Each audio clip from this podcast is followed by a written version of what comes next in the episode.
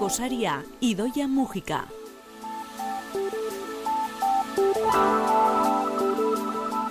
Zientzia hitz egiteko ordua iritsi da goiz kronikara. Idoia Mujika, materialen eh, fisika zentroko komunikazio arduraduna, zer moduz, ongi etorria? Eskerrik asko ondo eta zuek. Guere ondo eta zure kontuak entzuteko gogoz, eh?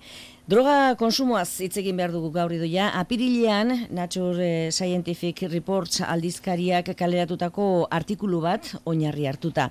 Brontzearoko menorkan, droga ugari hartu izanaren proba zuzenak giza hilearen analisitik abiatuta. Horixe da artikuluaren izenburua. Aspalditik ezaguna da, ba, gizakiak sustantzia psikotikoak ere izan dituela.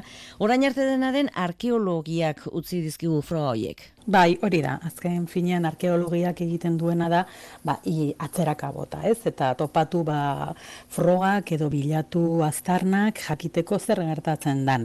Orduan, zer zerri begiratzen diote, ba, esaten duguna dirala zeharkako adierazleak. Arkeologa baldin bazara, ba pizkat indian aions bezala, ba topatu behar dezu adibidez landare psikoaktibo horiek berreskuratu, ez? Testu inguru arkeologiko batean eta horren arabera imaginatu haiek erabiliko zirala. Edo adibidez, haien irudikapen grafiko grafikoa tobatzen badezu motibo gisa, ba, pareta batean, paper batean, edo nun baiten irudikatuta. Edo haintzinako testuetan ja, idatzizko ba, mentzio batez, edo zerbaitik ez, objektuak, adidez, ba, pipa bat topatzen badezu, ba, suposatu zen, zenezake, erretzen zutela, eta horrela gauza guztiekin, ba, beti testu inguru bat, ez, edo zeharkako adirazle horiek berre, bilatzen.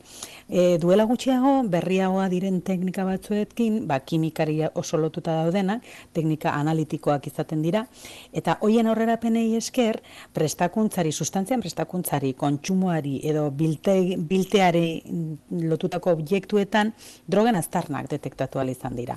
Eta ba, gertatzen da bezala, ba, orain e, kirol frogetan eta detektatzen dituzula oso kantitate txikian, ba, baita ere objektuetan detektatu daitezke oso kantitate txikietan, ari nahi egiten, ma, milaka urtez hor egon diran sustantzia psikoaktibo horiek, baldin badaukazu ontzi bat eta horretan lan egin bazan ba, alkaloide batekin, ba, sustantzia hauetako batekin, droga batekin, gaur egun detektatu genezake bol horretan benetan droga bat egon zala. Baina, horrek ez zertan esan nahi, gizakiek kontsumitzen zutela, azken finean, benetan frogatzeko, behin betiko eta zuzeneko froga izan dadin, topatu behar dezu, ba, droga hori, edo haren ondorioz metabolizatutako sustantziak gizaki baten gorputzean bertan, lagin biologiako eta zari gera. Zintzuk dira lagin biologiako horiek, ba, hortzen artean, ara gizatitxo txiki bat gelditu izana, ez urrondarrak, eun bigunak momietan, eta nola ez, hilean. Eta hori da, horrengo nobedadea, ez? Kristonak topatu daitezke. Hori da. Egia esateko ni, hau buruan neukan, baina artikulo hori esker gogoratu nahi. Ze askotan pentsatu izan dut eta jakin dezan jendea. Droga ondarrak hileetan metatu egiten dirala. Hau da, bea, zu, zure bizitzan noiz bat, drogatu izan bazea eta baldin badukazu hilea luzea, hile horretan kronologikoki gordeta dago zure droga historia. Gutxika gutxika esplikatuko dugu, eh? baina ondarrak iraganeko hile laginetan topatu dituzte, ez? Aspaldi, aspaldiko ezaguna den teknika bada, eta eta arkeologian ba, bat egin zuen kimikarekin eta hilean sustantzia kimikoen finkapena oso gonkorra danez, ba, denboran irauten duenez, ba, ba oso abantaila handia gauzka hileari begiratzea, ez? Adibidez, arte, azerketa mota hau Ego Amerikako testu inguruko arkeologikoetan aplikatzen hasi izan. Airi esaten kronologia prehispanikoetan gorputz momifikatuen adats edo kontserbatu direnez, denbora zehar hainbat droga, koka, tabakoa, hartu diren ahaztu izan da, eta emaitza oso bitxiak lortu dira. Baina oraindik e, historia horreko Europan etzen probatu, eh, hileen analisi kimikoa alkaloidea detetatzeko, eta azterketak egiten hasi dira menorkan, koba des e, inguru horretan, hor aurkitu dituzen hainbat e, hiletan, Hori da, bai, e, historia horreko Europan oraindik ez zen frogatu. Mila beratzen dalaro eta bostean, Pere Arnau eta Josep Marquez, espelogoloak, e, zulo txiki bat aurkitu zuten menorkako algendar amilegian. Sarrera argitu ondoren, kobazulo batekin egin zuten topo. Eta barruan, dozenaka eta dozenaka giza aztarna aurkitu zituzten. Orduan, hortik aurrera ja testigu eman zieten Bartzelonako Unibertsitateko autonomoko arkeologoi, etze ja ikusi izan, ba, ba, hor, hor egon zitezkela, ba, gure arbasoen aztarna garrantzitsuak, ez? Bertan topatu zituztenak, duela, irumila posteun urtetik ona, eta hurrengo sei mendeetan bertan bizitako berreunda amar pertsonen ezurrak topatu zituzten e, zazpi kamara aurkitu zituzten, hau da ondo kokatutako, eta bereziki deigarria izan, egin zitzaien bosgarren zenbakia jarri zioten kamara.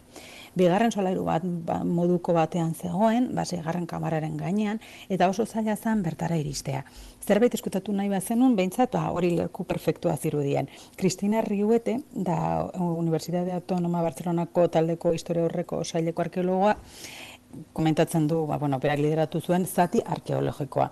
Han, bustinezko geruza baten azpian, lurperaturik amar bat ontzi dekoratu aurkitu zituzten. Eta hauen barruan, hileak topatu zituzten. Nik imaginatzen dut, ba, espelegolo hauen eta arkeologoen lana, ba, esan bezala, biskat indiana jones bezala, ez topatzen duzula lehenengo aldiz kobazulo bat, eta gaina zer eta e, ezurrak topatzen dituzu, eta zer eta kamara ba, bitxi batean, ba, nola baiteko ontzi batzuk eta ontzi horietan hileak ezakite noiz, baina badakite bertan postmorten tratamentu bat berexi bat emate zitzaiela batzuei han lurperatzen ziren ba, gizaki batzuei.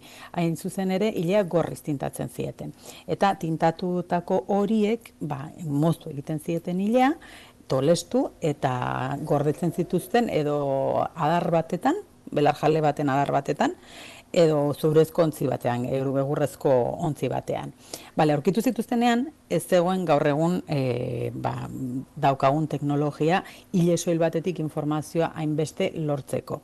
Baina gaur egungo teknikekin hile zati horretan aztertu daiteke, adibidez, ba, ikerlari hauek aztertu dutena. Elisa Gerra, Valladolideko Unibertsitateko arkeologa da, eta, bueno, drogen erabileran aditua, eh, aintzina, aintzin, drogen erabilera aintzinean aditua da bera, eta artikulu honen lehen egilea da, eta berak zentratu zuen lana, eta zantzun, bueno, aztertu dezagun, zergaitik ziren hain bereziak hile hauek, zergaitik gorretzen zituzten horrelako ba, mimoarekin ez, eta zer gaitik antintatzen zituzten gorriz. Eta azterketa toksikologikoa egitean, gauzoek pentsa hasten zera hiletik, eta jakin dezakezu denboran zehar, ze jakin badakigu hilea gutxu gora bera hazi egiten dela hilabetean zentimetro bat.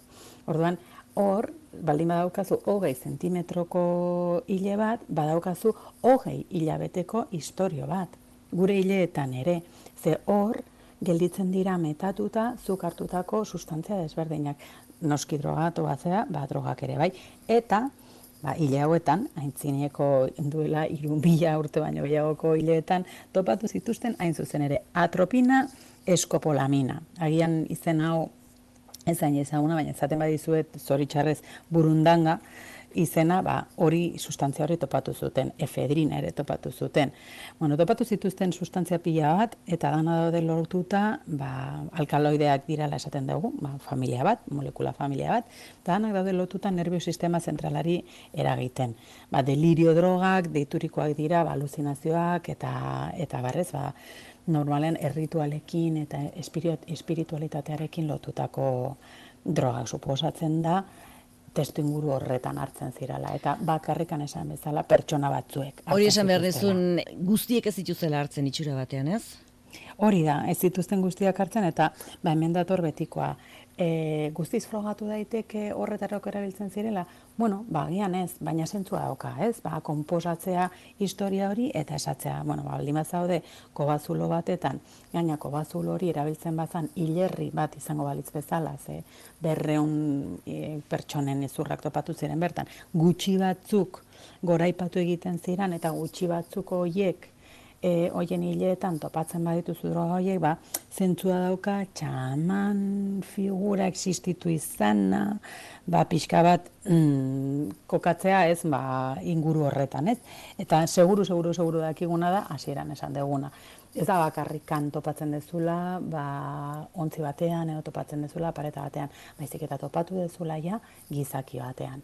Ba, aspaldia eta kaman edo topatu zuten bezala. Oso bitxia da kasu hori adibidez, ze hemen menorkan topatu dugu eta Europan lehenengo aldiz benetan frogatu izan da kontsumitu egiten zituztela gizakiak, baina aipatu dizuean lehenengo lehenengo osnarketa horietan, ez? Atakamako basamortuan adibidez, duela 2500 urte topatu zuten jaio berri baten gorputza eta haren hilean ja nikotina zegoen. Ordan jakin dezakegu izan zala, ba, gutxinez, e, e, ezagutzen dugun lehenengo erretzaile pasiboa. Ze bere amak e, aurdun zegoela erretzen zuen. Eta jaio berriaren hilean ja, erret, erretze horren aztarnak topatu zituzten. Hori gertatu zen Ameriketan, baina Europa lehenengo aldiz topatu deguna, ba, duela gutxi argitaratu da, eta eta hemen izan da, hemen gertu menorkan bertan. Eta ezin azu, ari garela, duela irumila eta bosteun urte inguruko kontu ez. Ba, idoia mugika, materiaren fizika zentroko komunikazio arduraduna, mila esker gaur ere alako historia interesgarriak hartzegatik gurera. Egun hona pasa? Zuei, bai, berdin, eta ez drogatu, eh? Venga.